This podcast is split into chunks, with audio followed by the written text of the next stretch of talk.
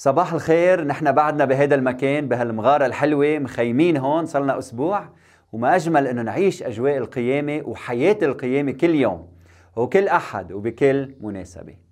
اليوم بدنا نتابع موضوعنا حول القيامة قيامة الرب يسوع المسيح وقيامتنا معه. وبعد عندي سبعة أسئلة يلي بسمعهم منكم وبدي جاوبكم عنهم. وإذا بتسمع لهيدي العظة وما بتستفيد منها وما بتشجعك خبرني لحتى أبعث لك هدية وأعتذر منك. فأنا بعرف قديش وقتك ثمين من أجل ذلك أنا بعطي كل وقتي لكي تستفيد أنت. وما فيني أفكر بمكان تقضي فيه 30 دقيقة أثمن من أن تكون بمحضر الله أمام الكلمة المقدسة. فبدي هنيك إنك اخترت إنك تخصص هالنص ساعة للإصغاء إلى كلمات الرب. السؤال الأول هو ما المقصود أن قوة القيامة تعمل في حياتنا. وشو مهم هذا السؤال؟ مهم نعرف إنه القيامة ليست مجرد عودة إلى الحياة. أرجوك انتبه لهالنقطة. بل هي أكثر من ذلك. هي تدفق لحياة جديدة من نوع جديد في العالم. يعني القيامه حدث يكلل تاريخ البشرية ويطلق فيه الخليقة الجديدة. عم تنتبه؟ فمن خلال اشتراكنا بقيامة المسيح نحن عم نختبر عالم جديد عم نختبر طبيعة جديدة. بقول الكتاب إن كان أحد في المسيح المقام هو خليقة جديدة. يعني اليوم في قوة إلهية حياة جديدة عم تعمل فينا يعني الغلبة على الخطية أمر ممكن لأنه يسوع قام ظافرا. وبولس في ضوء القيامة بيقلنا إذا اعتقتم من الخطيئة صرتم عبيدا للبر. فمن المهم أنك تعرف أن قوة القيامة تعمل في الإنسان كله يعني في الروح والجسد في الداخل والخارج في المادة وغير المادة. فثمرة القيامة قيامة يسوع عم تظهر فينا رويدا رويدا إلى أن تنضج في حياتنا وتستولي على كل الكيان وعلى كل الشخصية. ومتى تكتمل؟ عند مجيء المسيح. هيدا بيعطينا رجاء قوي إخوتي. يعني أنت يلي استسلمت للنعمة الإلهية لقوة روح القيامة العاملة فيك أنت غدا أفضل من اليوم. وما بعد الغد أفضل وأجمل وأروع من الغد. لأنه حياة القيامة عم تجتاح الإنسان المائت فيك. فغصن آدم قد طعم بنبتة الحياة يلي عم تنمى يوم بعد يوم إلى يوم التلاقي بيسوع. وفي نقطة مهمة جدا بدي ركز عليها أيضا وهي هذه نعم عندما نولد من فوق في هيدي اللحظة لحظة الاختبار بنسميها ولادة ثانية. أحيانا نشعر فيها أحيانا لا نشعر بها. لكن بعد ما تنزرع الحياة فينا نحتاج إلى وقت. هناك عملية مستمرة تستغرق وقت وتحتاج إلى التكريس والشركة مع الله المنعم المحب لحتى ننضج بالإيمان ونصبح أكثر فأكثر مشابهين لصورة يسوع في حياتنا. ب 2 كورنثوس 4 16 مكتوب لذلك لا نفشل بل وإن كان إنساننا الخارجي يفنى فالداخل يتجدد يوما فيوم. يتجدد يوم بعد يوم فرجاؤنا أن نكون كما هو. فهنا نختبر الغلبه على الخطيئة وعلى قوى الشر وعلى الموت. وفي المستقبل نقوم كما قام من بين الأموات ونكون معه كل حين وإلى أبد الآبدين. السؤال الثاني هو هل نظرتنا للموت تغيرت بعد قيامة يسوع؟ الجواب هو نعم على الأكيد. قبل القيامة كان الموت لعنة وانفصال عن الله. مكتوب يوم تأكل منها موتا تموت. الإنسان كان مع الله في الجنة لكن أكل عصي فكانت النتيجة الموت. فصار الموت بالنسبة لشعب الله في القديم عائق حاجز. لعنة بتفصل الإنسان عن الله. المزمور 115 17 بيقول ليس الأموات يسبحون الرب ولا من ينحدر إلى أرض السكوت. كلام قوي. لكن الآن في ضوء القيامة لم يعد الموت عائق أمام الحياة مع الله إنما جسر نحو الحياة الأبدية مع الله. فكان الموت لعنة أما الآن بركة لكل شخص بيآمن بيسوع. لم يعد الموت أجرة الخطيئة. لماذا؟ لأن المسيح امتص أجرة الخطيئة على الصليب. فصار جسر عبور. في شخص مشهور اسمه بونهوفر يصف الموت المهرجان الأروع على طريق الحرية. نعم نظرتنا للموت تغيرت بعد قيامة يسوع المسيح. بلا شك يوجد ألم في الموت. هو عدو منخسر أعزاء لنا لكن بالنسبة للمؤمنين الذين رقدوا هو بداية عرس السماء. طوبى بقول المقدس للأموات الذين يموتون في الرب. منذ الآن نعم يقول الروح لكي يستريحوا من أتعابهم وأعمالهم تتبعهم. وإنت هلأ إذا عم تسمعني عندي رسالة مهمة. لكل شخص بيشعر إنه اقترب من جسر الموت جسر العبور ربما بسبب المرض أو كبرت بالسن. أرجوك اطلع على الجهة الأخرى من الجسر. هل ترى الحياة الأبدية؟ انظر في عيني يسوع المقام الذي يقول لك أنا معك كل الأيام حتى انقضاء الدهر. أنا معك لا تخاف. أن القيامة والحياة أنا رح حطك على ذراعي. رح أحملك من هنا إلى هناك ورح تكون بأمان. هناك أكثر بكثير من هنا. لا تخف لا تخف أنا أقرب لإلك من أي وقت مضى. أين شوكتك يا موت؟ وأين غلبتك يا هاوية؟ اليوم الروح عم يهمس بأذنيك ويقول لك المسيح قام. وأنت يلي متت عن الخطية وأعطيت حياتك ليسوع رح تقوم معه. وهو ضامن أبديتك لأنه بحبك. وما حدا عنده السلطان على روحك وعلى جسدك إلا هو. فأنت بأمان لأنه هو هو البابا الذي يحبك. السؤال الثالث هو هل عندما نموت نكون مباشرة مع المسيح؟ أو يجب أن ننتظر إلى يوم مجيء المسيح؟ وهذا سؤال كثير مهم. الجواب هو نعم نكون مع المسيح. لأنه الكتاب يعلم أنه بعد الموت مباشرة الإنسان أي نفسه روحه شخصه يستمر في الحياة مع المسيح. بولس يقول لاشتهاء أن أنطلق وأكون مع المسيح ذاك أفضل جدا. يعني عندما نطق بولس بهذه الكلمات ما قصد لي اشتهاء أن أموت وأتوقف عن الوجود إلى أن يعود المسيح ثانية أبدا. كان عم بيقول ما كانت تؤمن به الكنيسة التي تلقت تعليمها من سيدها الذي قال على الصليب للص الذي آمن اليوم اليوم تكون معي في الفردوس بتيموتاوس الثاني الفصل الأول والعدد العاشر نقرأ عن يسوع المسيح مخلصنا إلى الذي أبطل الموت وأنار الحياة والخلود بواسطة الإنجيل. فالموت هنا أبطل وأصبح جسر عبور منير للحياة والخلود. بقول يسوع بيوحنا 12 25 من يحب نفسه يهلكها ومن يبغض نفسه في هذا العالم يحفظها إلى حياة أبدية. ملاحظة مهمة هنا قبل ما ننتقل للسؤال الرابع. هي إنه الكتاب المقدس ما بيحكي عن خلود النفس خلود الروح مثل الفلسفة الإغريقية. يعني إنه النفس خالدة بطبيعتها ابدا إنما يتكلم على أن الله المحب والخالد هو يحفظ نفوسنا إلى الأبد. فنختبر الخلود كعطية منه وتستمر به. عندما نموت لا نقع في المجهول ولا في العدم إنما بين يدي إله الحياة القادر على كل شيء والصالح إلى الأبد. يعني نقع بين يدين مثقوبتين حبا بنا. فيلي أعطى ابنه من أجلنا ألا يهبنا معه كل شيء؟ ألا يهبنا الحياة والخلود؟ الموت ليس نهاية الحياة إنما نقطة تحول وصلة انتقال. بطاقة الترانزيت من حياة إلى حياة أفضل. الخروج من هذا العالم هو الوصول إلى بيت الآب. لعازر مات فحملته الملائكة إلى حضن إبراهيم.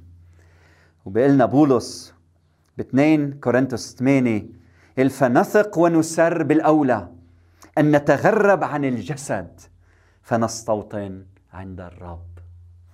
السؤال الرابع هو ماذا يجب أن أفعل لأختبر قيامة الأبرار والحياة الأبدية؟ كمان سؤال مهم جدا. بيوحنا 6 40 بيعطينا الجواب بيقول لأن هذه هي مشيئة الذي أرسلني. إلا أن كل من يرى الابن انتبهوا ويؤمن به تكون له حياة أبدية وأنا أقيمه في اليوم الأخير.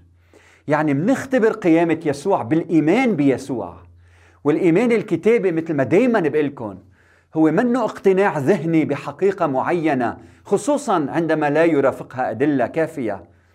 إنما الإيمان بحسب الكتاب المقدس هو أن تضع ثقتك بيسوع مخلص العالم. الإيمان هو الاستسلام الواثق هو الحالة التي فيها أنجذب نحو يسوع لأنه يستحوذ على كل اهتمامي لأنه أخذ المكان الأول في حياتي. نسمي الإيمان حالة الاهتمام الأقصى. يعني الحالة التي تكون فيها في أقصى الاهتمام نحو من أعطى حياته لأجلك. فلما مجازيا بتاكل يسوع لن تموت إلى الأبد. اسمعوا لكلام يسوع بيوحنا الفصل السادس والعدد 48 بقول أنا هو خبز الحياة أباؤكم أكلوا المن في البرية وماتوا هذا هو الخبز النازل من السماء لكي يأكل منه الإنسان ولا يموت. أنا هو الخبز الحي الذي نزل من السماء. إن أكل أحد من هذا الخبز ليحيا إلى الأبد. والخبز الذي أنا أعطيه هو جسدي الذي أبذله من أجل حياة حياة العالم. طيب إذا قلنا أنا بنال الحياة بالإيمان شو هو الدليل الحسي القاطع للإيمان؟ الدليل الحسي هو المحبة مش محبة الذات إنما محبة الآخر. وكمان برسالة يوحنا الأولى الفصل الثالث بقلنا يوحنا نحن نعلم أننا قد انتقلنا من الموت إلى الحياة لأننا نحب الأخوة ومن لا يحب أخاه يبقى في الموت. نعم ما أجمل لما يسوع بيمتلك الكيان تصبح المحبة دليل الإيمان. السؤال الخامس هو كيف سنكون عند القيامة؟ هل سنعرف بعضنا بعضا؟ السؤال كثير حلو والجواب هو ببساطة سنشبه يسوع في قيامته يعني مثل ما قام يسوع سنقوم نحن أيضا طيب شو بنعرف عن قيامة يسوع؟ أولا لما بنحكي عن القيامة ما بنحكي فقط عن قيامة الجسد مثل ما حكينا إنما قيامة الشخص أي الإنسان بكامله مع هويته وكيانه وحتى ذكرياته. هكذا قام المسيح. المسيح لم يكن جسد بلا شخصية عند القيامة ولا نفس أو روح بتنتقل بالهوى بلا جسد. فالمسيح يسوع بشخصه قام والتلاميذ عرفوه وقال له لتوما هات إصبعك إلى هنا وابصر يدي. وهات يدك وضعها في جنبي. وهيك صار يسوع باكورة من قاموا. يعني نحن عند القيامة تكون قيامتنا تشبه قيامته. وبقلنا الرسول بولس كما هو الترابي هكذا الترابيون وكما هو السماوي هكذا السماويون أيضا. يعني مثل ما آدم هيك نحن ومثل ما يسوع هيك رح نصير مثله. بفيليبي 3 والعدد 20 21 بيقول لنا بولس إن سيرتنا نحن هي في السماوات التي منها أيضا ننتظر مخلصا هو الرب يسوع المسيح. إلى الذي سيغير شكل جسدنا الوضيع. هذا الجسد الحقير الوضيع اللي يكون وانتبه لها العبارة على صورة جسده المجيد. مجيد يعني جسد القيامة الذي من خلاله يسطع مجد الله. اللي نحن رح نصير على صورة جسده المجيد. الأمر الثاني المهم هو أنه عند القيامة بنشوف يسوع عم يتواصل مع التلاميذ يعني في شركة معهم. وكما قلت عرفه التلاميذ. يعني نحن بعد القيامة رح نعرف بعضنا البعض رح نكون بشركة رح نتواصل مع بعضنا البعض من أجل ذلك في ضرورة لوجود الجسد وليس فقط نفس أو روح. الأمر الثالث المهم أنه مع قيامة يسوع نرى استمرارية واضحة بين يسوع ما قبل القيامة ويسوع ما بعد القيامة. يعني جسد يسوع المقام متجذر بجسد يسوع ما قبل القيامة. يعني حكمة عندما يقوم بجسده الممجد سيكون هناك استمرارية واضحة بين حكمة ما قبل وما بعد القيامة وبرومية 8 11 مكتوب إن كان الروح الذي أقام يسوع من الأموات ساكنا فيكم فالذي أقام يسوع من الأموات سيحيي أجسادكم. شايف الاستمرارية هنا؟ سيحيي أجسادكم المائتة أيضا بروحه الساكن فيكم. ما أجمل هذه الكلمات. والأمر الرابع المهم أنه نعم يسوع قام بالجسد ولكن هيدا الجسد جسد ممجد يعني دخل والأبواب مغلقة. بمرقس 16 بنشوف وبعد ذلك ظهر بهيئة أخرى. وبعدين بأعمال واحد ارتفع وانطلق إلى السماء. نعم يعني يوجد استمرارية ولكن من نوع مجيد. هالجسد من نوع مختلف نوع مجيد. بواحد كورنثوس 15 50 فأقول هذا أيها الإخوة إن لحما ودما لا يقدران أن يرثا ملكوت الله ولا يرث الفاسد عدم الفساد. وبعدين بالعدد 42 بيقول وهذه هي الحال في قيامة الأموات. يدفن الجسم مائتا ويقوم خالدا يدفن بلا كرامة ويقوم بمجد. يدفن بضعف ويقوم بقوة. يدفن جسما بشريا ويقوم جسما روحانيا. وإذا كان هناك جسم بشري فهناك أيضا جسم روحاني. اذا نعم في استمرارية بين انتبه البشري والسماوي لكن السماوي هو من نوعية مختلفة. لا يقبل الفناء متجدد متحول مرتفع سماوي. يعني نيل تعليه أو إعلاء نحو المجد. يعني صار إذا بدك صار في upgrading لأجسادنا صار في إصدار جديد new version أو the full version فمثل ما نحن عرفناه ليسوع بعد موته لكن بجسد ممجد نحن رح نعرف بعض لكن بأجسادنا الممجدة. الأمر الخامس انتبه إنه يسوع لما كان على الأرض لم يعطب بالخطية مثلنا. يعني كان كامل على الأرض. فعند القيامة أخذ جسد ممجد بطبيعته لكن مشابه لجسده قبل القيامة. نعم نحن أيضا منختبر هيدي الاستمرارية لكن بسبب معطوبيتنا رح نكون مختلفين إلى حد كبير ولكن حكمة رح يبقى حكمة لكن ممجد بكيانه بشخصه وأكيد بالنعمة طبعا. فالمريض والمشوه والضرير والمفلوج الذي قتل في الحرب الذي أكلته وحوش البرية. يلي مات وهو طفل سيقوم بجسد ممجد غير معطوب كامل. ربما مختلف إلى حد كبير عما كان عليه. لكن حكمة المعطوب سيكون حكمة لكن حكمة بجسد سماوي ممجد مع المسيح. ومنقول مع الرسول بولس فإننا في هذه أيضا نئن مشتاقين إلى أن نلبس فوقها مسكننا الذي من السماء. والسؤال السادس يلي نسأل عنه ما هي غاية القيامة؟ ما هي غاية القيامة؟ طبعا غاية القيامه أن يتمجد الله وأيضا أن نتمجد معه لأنه يحبنا.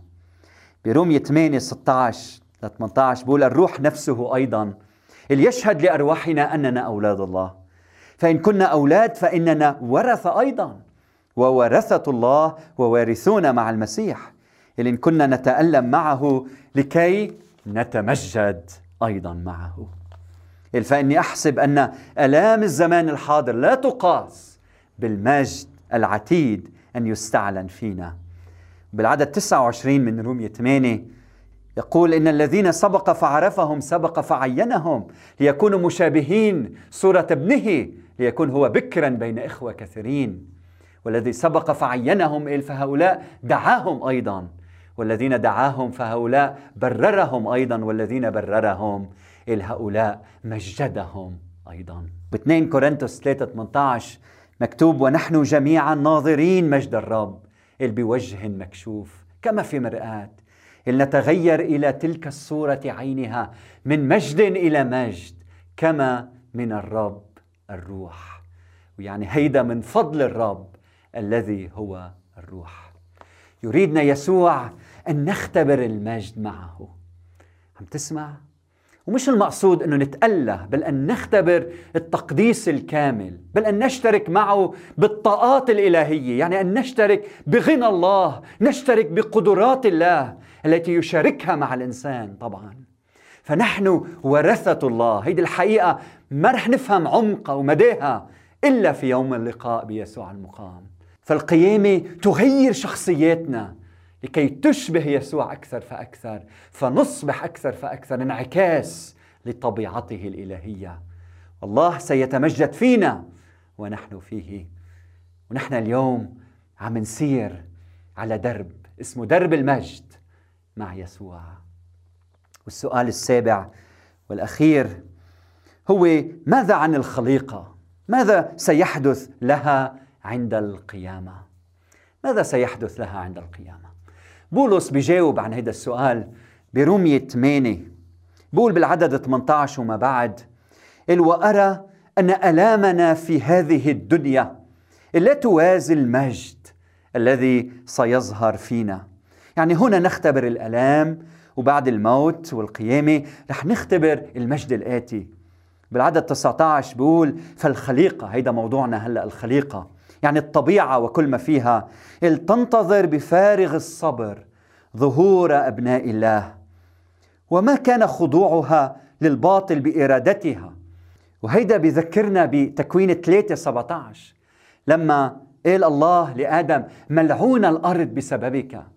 فهيدي الطبيعة أخضعت للباطل يعني وضعت بيد الإنسان الخاطئ وبيستخدمها في خدمة أنانيته وطموحه إلى السيطرة.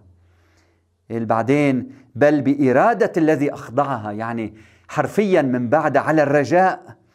وهيدي بدها وقت لنشرحها لكن يلي بهمني العدد 21 يلي بيقول أنها هي ذاتها ستتحرر من عبودية الفساد لتشارك أبناء الله في حريتهم ومجدهم. والكلام قوي جدا هنا. يعني هيدي الخليقة اسمعني أرجوك ستشفى ستشترك بالمجد الذي يختبره أبناء الله. فقيامتنا ستحدث بسياق تحرير الخليقة كلها. وبطرس بسميها أزمنة رد كل شيء يعني كل شيء. بالعدد 22 بقول فنحن نعلم أن الخليقة كلها تئن حتى اليوم من مثل أوجاع الولادة. العدد 23 وما هي وحدها؟ بل نحن الذين لنا باكورة الروح نئن في أعماق نفوسنا منتظرين من الله التبني وافتداء أجسادنا. افتداء أجسادنا أي القيامة عندما نلبس أجساد ممجدة. وبالختام ما أروع يسوع وما أروع القيامة؟ تذكر أن القيامة اختبار يومي لحدث تاريخي يكتمل في المستقبل بالقيامة من الأموات. يعني ما فينا نهرب من حقيقة القيامة فهي تطوق ماضينا وحاضرنا ومستقبلنا. نعم بموت يسوع وقيامته صار لنا وللخليقة كلها رجاء بحياة جديدة حرة من عبودية الفساد. دشنها يسوع بقيامته. وبتكتمل بمجيئه. وبسفر الرؤيا ببوق الملاك السابع فحدثت أصوات عظيمة في السماء قائلة قد صارت ممالك العالم لربنا ومسيحه فسيملك إلى أبد الآبدين. نعم نحن على الدرب التي تقودنا إلى المجد والخلود. ليس بأرواح بتطير في الهواء إنما بأجساد ممجدة. فنيالك نيالك مع يسوع. بدي شجعك اليوم عيش القيامة من الآن. عيش مع يسوع من الآن. يا ابن القيامة عيش حياة القيامة. ما تفشل لأنه الداخل يتجدد يوم بعد يوم. مع يسوع في دايما فرصة جديدة. مع يسوع في دايما خليقة جديدة. مع يسوع في دايما حياة جديدة. مع يسوع في دايما رجاء جديد. مع كل صباح في أمل جديد. وهلأ بالختام بصوت واحد منقول مع الروح تعالى أيها الرب يسوع. يا رب إلهنا بدنا نشكرك من أجل القيامة قيامة ابنك يسوع المسيح. بدنا نشكرك من أجل هالحقيقة التاريخية يلي غيرت حياتنا وأعطتنا رجاء وأمل بحياة أفضل معك. وهلأ يا رب بدي صلي من أجل مشاهدينا أنك تملأهم من الفرح ومن السلام ومن الرجاء ومن الأمل. شكرا يا رب لأنك أنت غلبت. بصلي أنك تعطينا الغلبة بحياتنا. جددنا من الداخل يوم بعد يوم لنصير نشبه صورة ابنك أكثر فأكثر. بدي صلي من أجل الأشخاص يلي خسروا أعزاء لإلهم. علمتنا وذكرتنا يا رب إنه بالقيامه في رجاء إنه رح نرجع نتلاقى بأجساد ممجدة. شكرا يا رب لأنه هيدا العالم ماشي نحو الأفضل. لأنه أنت يا رب بيوم من الأيام رح ترجع تجدد وجه الأرض كلها وتعطينا الغلبة وتمجد أولادك بقيامة حقيقية. نصلي بركة على كنيستنا بركة على حياتنا ولك كل المجد من الأبد. آمين. thank you